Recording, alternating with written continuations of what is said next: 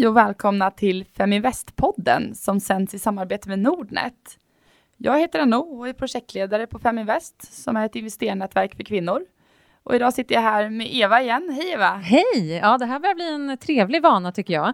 Eva Troin heter jag och är Sverigechef på Nordnet som är Nordens största nätbank för sparande och i aktier och fonder. Och idag ska vi prata om pensionen. Mm. Hur ska man egentligen tänka? Och lite senare så kommer en gäst att gästa oss och det är vår krönikör Monica Sjödin. Hon har ju som mål att bli eh, ekonomiskt oberoende innan hon fyller 55. Då vill hon ha möjligheten att gå i pension. Så vi ska höra lite hur hon investerar och hon tänker kring det här. Det låter väl härligt. Och det här, det här eh, är ju ett ämne som jag brinner mycket för. Så att, eh, ja, vi kör igång, så här har vi ingen tid att spilla. Idag ska vi prata om eh, pensionssparande. Och det är ju någonting så här som många har lite dåligt samvete över. Ja. Jag tycker även när man eh, träffar många investerare att eh, eh, man är antingen väldigt duktig på det eller så har man inte alls tittat på det. Det är lite där man ligger. Um, men, men det är ju faktiskt väldigt viktigt. Ja, och eh, det är ju faktiskt så att pensionssparandet kommer för de flesta att vara det absolut största sparandet som man har. Så det är en viktig del av, av sina investeringar. Och mång, en stor del av pensionssparandet idag är ju faktiskt tillgängligt för individen att förvalta själv. Så därför så blir det ju viktigt ur ett investerarperspektiv att ta hand om eh, sitt pensionssparande. Men vi ska prata om grunderna till mm. pensionen. Eh, det är uppdelat i tre delar. Kan du berätta lite mer om det? Ja, men vi kan väl gå igenom lite grann kort vad det är. Eh, du har ju den allmänna pensionen som består av det som kallas för inkomstpension och PPM, premiepension. Det får man på lönedelar upp till 8,07 inkomstbasbelopp. Väldigt mycket teknikaliteter här. Eh, men av de så sätts 18,5 procent av till den allmänna pensionen. Eh, och här ska man observera då att, för det kommer vi säkert komma in och prata om lite senare, men det här med föräldraledighet, eh, studier och värnplikt, det berättigar också till den allmänna pensionen. Så det får man även om man är föräldraledig eller studerar. Om man nu har jobbat tidigare, vill säga. Och eh, värnplikt.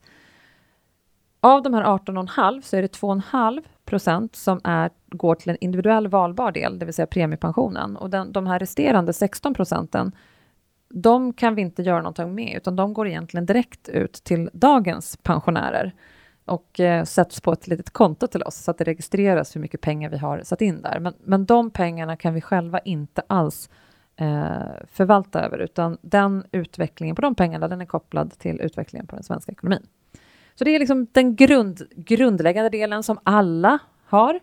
Sen kommer den andra delen som är tjänstepensionen och eh, här har ungefär 90 procent av Sveriges yrkesverksamma har tjänstepension. Och eh, den är antingen då reglerad i något form av kollektivavtal eller så har arbetsgivaren valt att teckna en pensionslösning för sina anställda. Så det här kan vara, det kan skilja sig lite grann. I större bolag så har man ofta kollektivavtal och sen i lite mindre bolag så har man tecknat ett avtal för bolaget. Det här är någonting som man verkligen borde kolla upp om man har eller inte, för det kan göra ganska stor skillnad. Ja, det här är, jag skulle säga att tjänstepensionen är en sån sak som man kanske inte tänker på så mycket själv. Och jag tror inte heller man egentligen tänker så himla mycket på den allmänna pensionen. Men den allmänna pensionen ser ju likadan ut för alla. Tjänstepensionen däremot kan man faktiskt påverka ganska mycket själv. Eh, dels genom att se det som en del i förhandlingen. Jag brukar ju sällan prata pension, för det, någon, det klingar ju lite tråkigt med pension, måste jag Så jag brukar prata framtida lön, för det är faktiskt vad det handlar om, att den dagen vi slutar jobba, då ska vi få pengar någon annanstans ifrån. Eh, och, och, det är ju den, de här pensionspengarna då, så det är vår framtida lön. Så det är lika viktigt att förhandla det med din arbetsgivare när du söker jobb. Att se över, vad har de för pensionsavtal för mig? Om det är ett kollektivavtal eller en liksom, egen pensionslösning, hur ser den ut? Och var ligger den? Hur mycket kan jag påverka själv? Ligger vi i någon dyr pensionslösning eller ja, vad, kan vi, vad kan man påverka själv? Det tål att prata med sin arbetsgivare om det. Jag, jag tycker verkligen man ska boka ett möte med, med sin chef och, och, ta reda på det här, för det är väldigt viktigt faktiskt. Ja, det är en stor del av, uh, av din framtida lön och det här kan också ge dig lite, skulle jag säga, om du är lite noggrann med den här delen. För det här är någonting som din arbetsgivare betalar in för dig varje månad. Varje månad så sätts det av pengar till din tjänstepension. Och om du är lite noggrann med den här och har möjlighet att förvalta den och vet att den ligger på ett ställe där det är låga avgifter, bra produkter, då behöver du inte kanske sätta in lika mycket själv som då blir den sista delen av de här tre i pensionssparandet. Det är ju faktiskt det egna sparandet. Och nu pratar vi om att eftersom sedan 2016 nu så får man ju inte längre göra avdrag eh, för privat pensionssparande. Tidigare kunde man göra avdrag på skatten för privat pensionssparande. Det är helt upphört per 2016. Så att alla som nu sparar i någon form av individuellt pensionssparande eh, ska sluta med det. Vi kan återkomma till varför, men sluta med det. Det finns två undantag och det är då eh, personer som är enskilda näringsidkare eller som inte har rätt till tjänstepension via sitt företag. De kan fortsätta. Men för alla andra som har någon form av tjänstepension så ska man spara i investeringssparkonto eller kapitalförsäkring. Eh, kanske ännu bättre tycker jag, men, eller i en depå, men inte i en, eh, en privat pensionsförsäkring. Och eh, alla, de flesta kommer behöva spara i det här. För att tittar vi på hur samhällsutvecklingen ser ut eh, så är vi färre som arbetar idag, som är arbetsför ålder, som ska försörja en väldigt stor åldrande befolkning som också bara lever längre och längre. Eh, tittar vi på medianen för de tjejer som föds idag så blir de 100 år.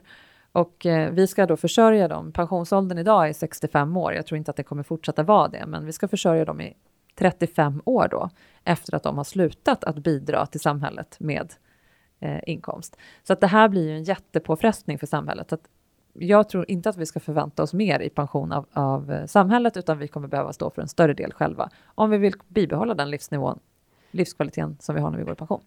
Man kanske inte ska tänka att det är en pyramid längre. Utan nej, precis. Den börjar se ut som, är som en glasskon. Ja.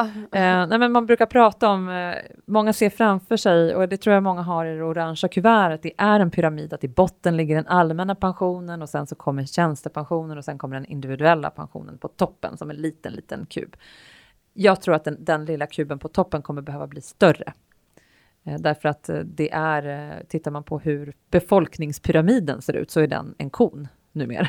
Mm. Det är få, det föds färre människor, det är färre i arbetsför ålder och det blir fler och fler som blir äldre. Så att det här behöver man, det här kommer bli viktigare och viktigare, men det är, det är tillräckligt viktigt idag och det är inte riktigt så att alla förstår att man behöver verkligen ta tag i det här. Och det är inte så konstigt, därför att hur ska hjärnan förstå saker? Man, att man måste avsätta konsumtion idag till någonting som man inte riktigt vet i framtiden. Det är svårt att greppa Eh, och det, det, har ju Elin Hellander, en eh, väldigt klok eh, forskare, uttalat sig om också, att just det här kring att hjärnan har svårt att förstå just det här med pension, för det är så långt bort. utan Man måste sätta någonting annat kopplat till det. Ja, men om man vill ha samma levnadsstandard som man har, um, så borde man verkligen tänka på det. Vi pratade lite tidigare mm. innan programmet här om studenttiden, ja. hur man hade det då. Um, ja, det är kanske är lättare för hjärnan att, att minnas, tänkte jag. Att det är kanske ja. lättare för hjärnan att komma ihåg så här, hur det var. Nu var det ganska länge sedan jag var student, kanske inte var lika länge sedan du var student. Men, mm.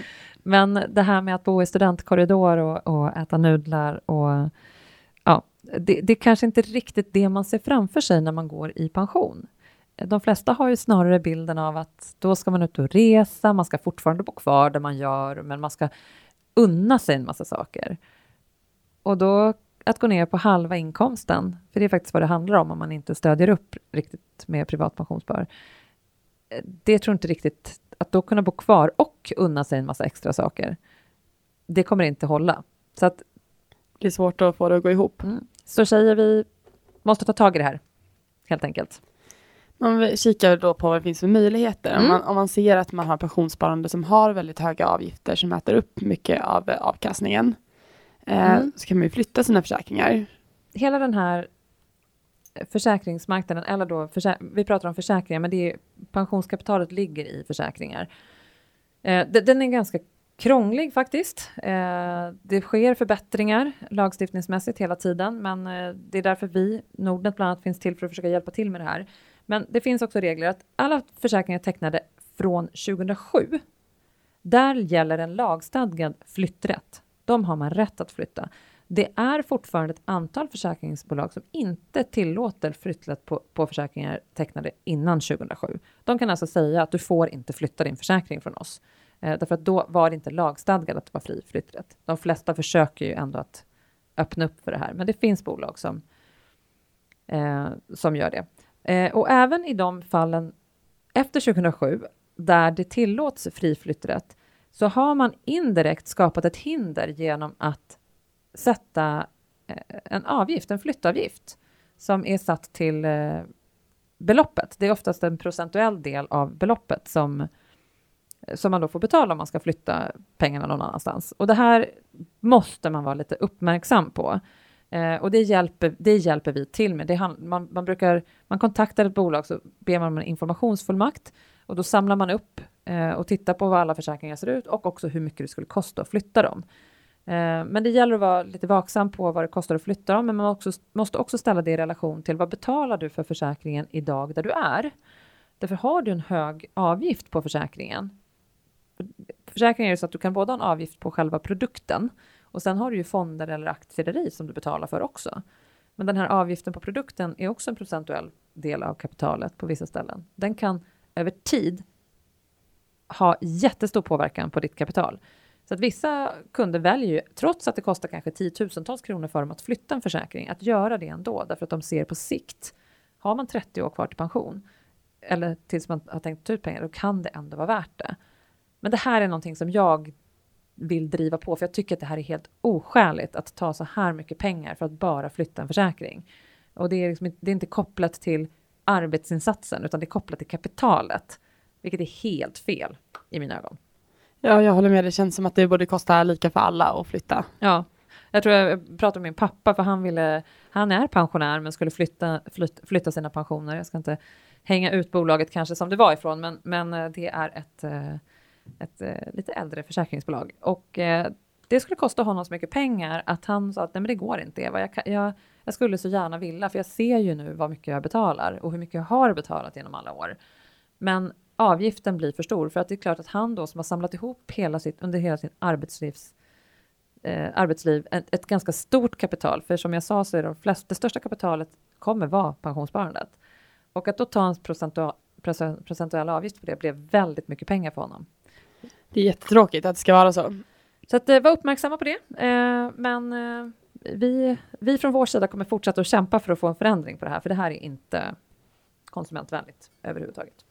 Men kan man då slå ihop olika försäkringar eller fungerar det? Ja, det är fullt möjligt att slå ihop försäkringar. Eh, dock så är det fortfarande så att man måste slå ihop försäkringar i en ny försäkring. Så du kan inte ha två försäkringar och så lägger du ena i den andra. Den ena i den andra, precis. Utan du måste teckna en ny försäkring och då kan du lägga ihop de två försäkringarna i den nya försäkringen.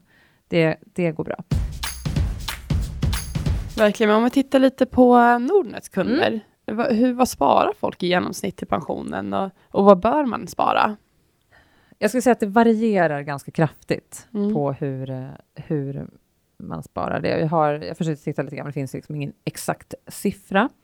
Eh, men det finns väl lite sådana här riktmärken som man kan titta på. Att, liksom, att spara ungefär 10% av den disponibla inkomsten är väl liksom ett, ett riktmärke, men då måste man ju tänka både till det långsiktiga sparandet och till bufferten. För att det är man kan inte sätta av allting till framtida sparande. Men någonstans där, och så får man fördela det lite grann beroende på hur det ser ut för en själv. Hur stort behov har man att ha en buffert? För det är också viktigt att kunna leva idag. Man ska inte hålla på att stoppa undan alla pengar för framtiden, utan du måste kunna leva idag. Men jag tycker ett väldigt bra riktmärke är, det jag var inne på tidigare, att om du arbetar så har du tjänstepension.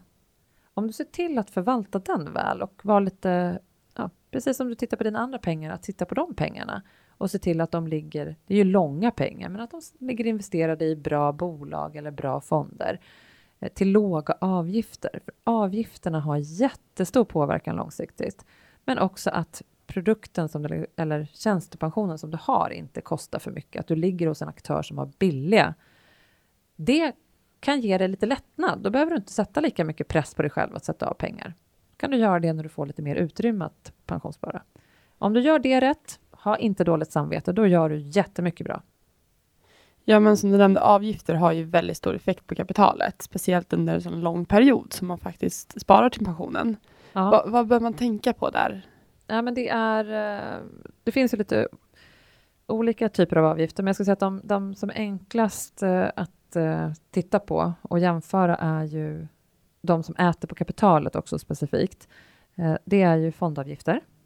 Att se till att ligga i billiga indexfonder så att du inte ligger i dyra fonder.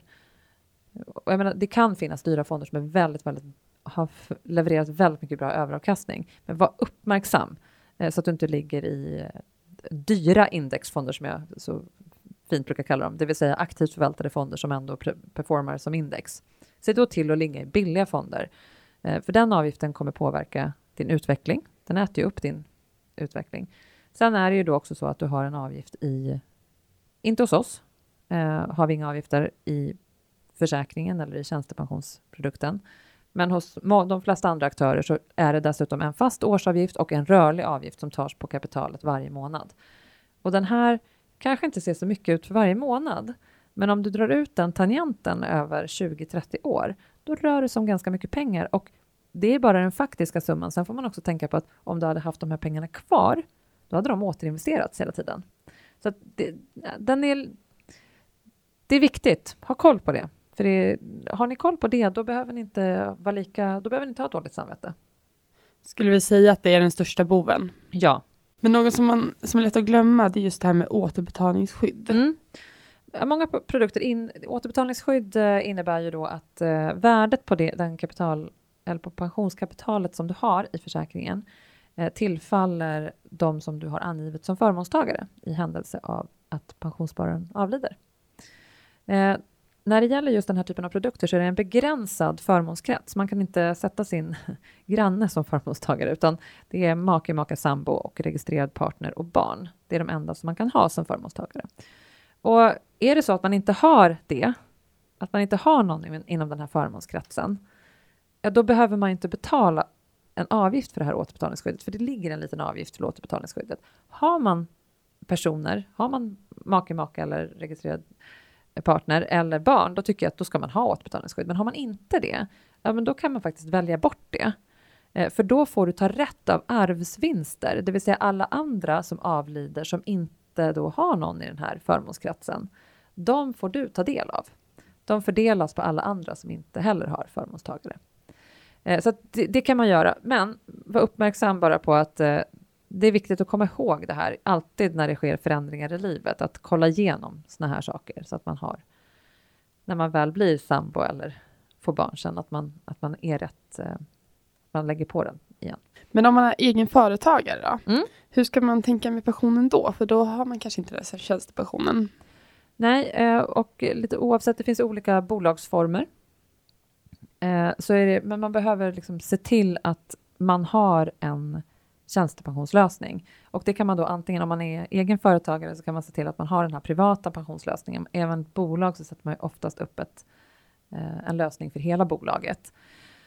Eh, men den ska man ju då också komplettera med riskförsäkringar, alltså det vill säga både sparandet men också med riskförsäkringar som man normalt som anställd i ett bolag får. Och det är ju då sjukförsäkring, livförsäkring, olycksfallsförsäkring som ligger till. För att som egen för, företagare som är ännu mer sårbar om man blir sjuk. För det är ingen direkt som kommer in och gör ens jobb. Nej. Så det är jätteviktigt att tänka på de här delarna också. Men alla företag som jobbar med den här typen av affärer, vi på Nordnet jobbar ju med det också. Vi ser ju alltid till att, att hjälpa till och se över hela paketet, både för individuella näringsidkare men också lite större företag. Så att vi säkerställer att de har samma skydd som om de skulle vara anställda i ett vanligt företag. Och jag tänker, det är ju det är många kvinnor som eh, som faktiskt går ner i, till 75 procent, eller sen när man får barn, för det är mm. svårt att, att få det att gå ihop. Hur påverkas pensionen när man går ner i arbetstid? Vad borde man tänka på där? Ja, den, den påverkas och det här är jätteviktigt att prata om och titta på mer.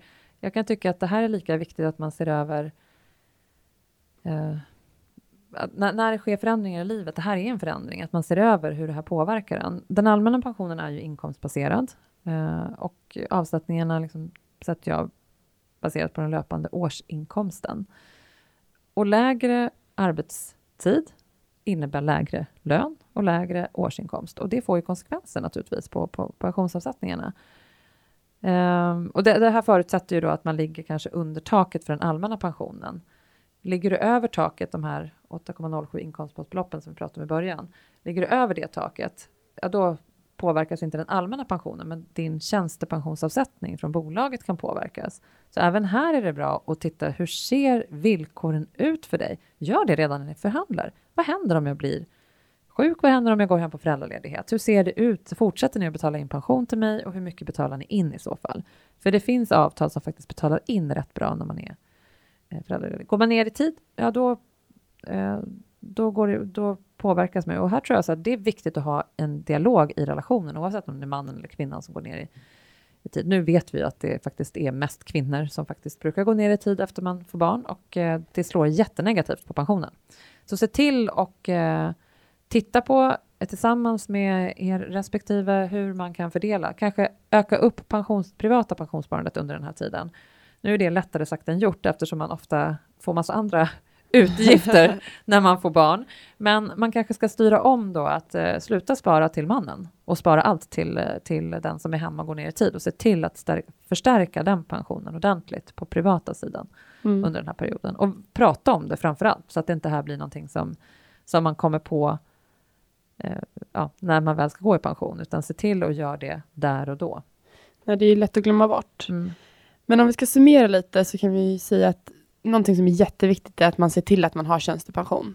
Ja. Um, och även att titta på avgifterna. Vilka avgifter har man? Hur stora är de? Um, och sen också som vi pratade om lite det här att pensionen är ju faktiskt din framtida lön. Mm. Och vill man ha det samma levnadsstandard när man blir äldre så måste man verkligen ta tag i det här. Mm. Och det är lite som ett surdeg, men det är verkligen värt det att göra det. Ja, det är, det är en liten surdeg för många. Och sen så tror jag så här, ha inte ha inte så höga krav på er själva heller, utan bara ni gör något så är det bättre än inget. Så att, som sagt, om ni vill börja med någonting så se till att ta hand om den pensionen, för som sagt 90% får pension från sin arbetsgivare idag. Se till att ta hand om den och ta reda på vad den är. Då har ni kommit ett bra steg på vägen och sen se till att fylla på med eget sparande. Tack så jättemycket Eva för Tack. idag. Jag, jättebra tips och jag tror att eh, många tycker det här är väldigt värdefullt. Mm. Hej Monica, vad roligt att du är med oss idag. Tack. Du är, är ju ambassadör för Feminvest. Kan du berätta lite om dig själv? Vem är du? Eh, jag heter Monica, bor i Jakobsberg och jobbar som IT-projektledare. Och på fritiden så tycker jag att det är superspännande att hålla på med investeringar. V vad roligt. Hur kommer det sig från början att du gick ner i nätverket? Eh, det var i ett utav, jag har driver två privata projekt. Det ena är eh, golden years. Jag vill kunna gå i pension tidigare vid eh, förhoppningsvis 55 års ålder. Och jag har ett projekt som heter Sharing is caring. Där jag vill kunna sprida min kunskap vidare till andra. Och då vill jag lära mig mer och jag vill nätverka med sådana som kan mer än mig och sådana som jag kan utbyta erfarenheter med och kunskap med. Så det är superkul, så det är jätteroligt. Härligt, det är ju perfekt plattform att göra det i. Mm. Det är det vi tänker med Feminvest, att vi ska lära oss av varandra. Ja, men det var väl lite tillbaka till det här att eh, om jag nu ska kunna gå i pension tidigt, då måste jag ju veta vad kostar jag? För det är ju så mycket pengar jag måste till att jag har per månad sen. Eh, så då var det ett sätt att titta på var är jag nu och vilka ändringar behöver jag göra för att kunna leva det liv jag vill leva sen. Och det är också ett sätt för mig att kunna leva bra fram under den tiden, fram tills dess också din krönika har ju blivit väldigt uppmärksammad i Feminvest. Mm. Eh, och det, det, handlar ju om att du går i pension innan du är 55. Eller har möjligheten att gå i pension. Eh, kan du inte berätta lite om vad det, vad det kom ifrån, grundtankarna där? Det är väl lite mer det här att jag vill leva ett liv eh, med mening och lust och jag vill ha tid och ekonomi att kunna leva ett liv, bra liv. Och jobba till 67 lockar inte mig särskilt mycket. Så att om det är så att jag känner att jag vill göra någonting annat än att ha ett lönarbete så vill jag kunna ha den valfriheten. Våga investera eller våga skapa ett ekonomiskt självförtroende och kontroll över sin egen ekonomi. Hur, hur började ditt intresse för investeringar då? Eh, jag har alltid varit intresserad av eh, fonder och sånt, både i privatsparande och eh, tjänstepension. Och eh, tjänstepensionen är ju för min del ganska stor om man jämför med PPM-biten till exempel. Så då har det varit viktigt för mig att hålla koll på dem och i takt med att jag hade den här önskan om att jag ska komma loss och få göra lite som jag vill så konstaterade jag att jag måste bli bättre på det här och jag måste få bättre snurr på mina pengar. Men hur mycket tid tycker du man behöver lägga på sina investeringar? Det är ju helt beroende på vilket mål du har. Jag har det ju mer som ett intresse än att bara investera, så liksom att det ska bli pengar. Men eh, som med allt annat, det du övar på blir du bra på. Så man får ju lägga lite tid i början, men man räcker ju med att man kanske går med i Aktiespararna, går med i Feminvest, går med i Tjejer som gillar aktier på Facebook. Att man söker information och sen lyssnar, hur gör alla andra? Tycker, tycker du själv att det var svårt att komma igång? Uh, nej, det tycker jag nog faktiskt inte. Det var, däremot är det nog svårt att sålla källor man ska lita på och inte. Mm. Uh, och att man är medveten om att det är ens egna beslut och inte andras beslut man ska följa. Och det finns hur mycket poddar som helst, hur mycket Twitterprofiler, bloggprofiler, Shareville-profiler att följa. Spännande, jag tror många blir väldigt eh, intresserade av att höra hur du investerar när man hör på din plan. Ja, nej men alltså, jag håller ju på att pular med min den här investeringsstrategin då. Den är i varande kan man väl säga då. Så att eh, på tjänstepensionsbiten och PPM-bitarna så är det mycket svenskt och mycket teknik. Eh, vansinnigt förtjust i Didner och Gerges småbolagsfond, eh, DNB Nordic Technology, Länsförsäkringar Fastighet, klockren har jag haft i evigheter. Swedbank Rubber Ny Teknik är också en sån här favorit som tuffar på bra. Så att eh, där har jag försökt lägga upp mina portföljer på Shareville också. Så att man ser mina pensionsval, även om de inte riktigt är. På mitt privata sparande så jag har ju en förkärlek för nystartade småbolag egentligen. Ja. Men det är ju inte riktigt sådär superstabilt och lönsamt. Så ska jag försöka få att det ska bli en stadig pengamaskin så får jag ju behärska mig lite. Eh, 25% i räntebevis och konvertibler eller högräntekonto. Så att där avkastar de ungefär 10% per år. Så att de gör jag ingenting med mer än att jag förnyar eller hittar andra alternativ. Och eh, har ungefär 25% i utdelningsaktier där jag försöker hitta aktier som direkt avkastar mer än 4% och eh, är vinstdrivande och lönsamma. Och eh, då använder jag ofta hitta kursvinnare då för att både fundamentala och den tekniska analysen. Då. Så att, eh, och resten är, nu är det en del i kassa under tiden vi väntar på att det blir bättre tider och resten är i både småbolag och midcap och large cap-bolag. Har du någon sån här som har varit din bästa investering? Någon fingerprint som du har haft? Ja, min fingerprint. Nej, men alltså då är det nog Dividend Sweden är den som, jag, som är ganska nyintroducerad. Ja. Som jag har konvertibler i och aktier som jag tecknade innan emissionen då. Eh, gick upp 60% på några veckor och sålde av och så köpte jag tillbaka dem på 40% och så gick de upp igen och nu är det väl upp 20% eller något sånt från det jag köpte då. Härligt. Ja, så att de är bra och eh, de har jag träffat både på lite diverse olika små event och haft bra förtroende för den vdn. Så det är jättekul. Vad, vad är dina bästa tips då för de som inte har så bra koll på pensionen? Nej, men bästa tipsen är väl att dels skaffa dig en nulägesanalys. Vad har du idag? Och sen eh, vad du står till kostnad intäktsmässigt. Vilka tillgångar har du? Eh, gå in på minpension.se så ser du en hint om hur mycket du kommer få. Eh, och då skulle jag rekommendera kanske att skruva lite på de där knapparna med löneutveckling och eh, avkastning. Om vi tittar på att börsen ger en 8-10 procent. Och jag tror att det står på 0 procent i min pension när den gör uppskattning. Mm. Sen kan man kanske dra upp till i alla fall en 4-5 för att få lite mer. Och att du inte skulle ha någon löneökning alls fram till du går i pension tycker jag känns högst osannolikt. Då skulle i alla fall jag byta arbetsplats. Nej men att, och sen är det ju, titta, börja, läsa på, Eh, skapa kontakter, skapa nätverk, titta vad du vill. Se hur mycket du behöver, vilket liv du vill leva. Det finns ju de som vill dra sig tillbaka, sätta sin lite stuga på landet, sälja villan. Ja, men då kanske du inte behöver spara så mycket. Då börjar det här avsnittet lida mot sitt slut. I nästa avsnitt så kommer vi på, prata om vad som påverkar börsen. Och kom ihåg att följa både mig och Eva på Twitter, feminvest understreck eller Eva Nordnet. Och har ni några önskemål eller feedback som ni vill ge oss så kan ni skriva era kommentarer på nordnetbloggen.se eller på feminvest.nu. Tack så jättemycket för att ni lyssnade allihopa och kom ihåg nu, more women equals more money. More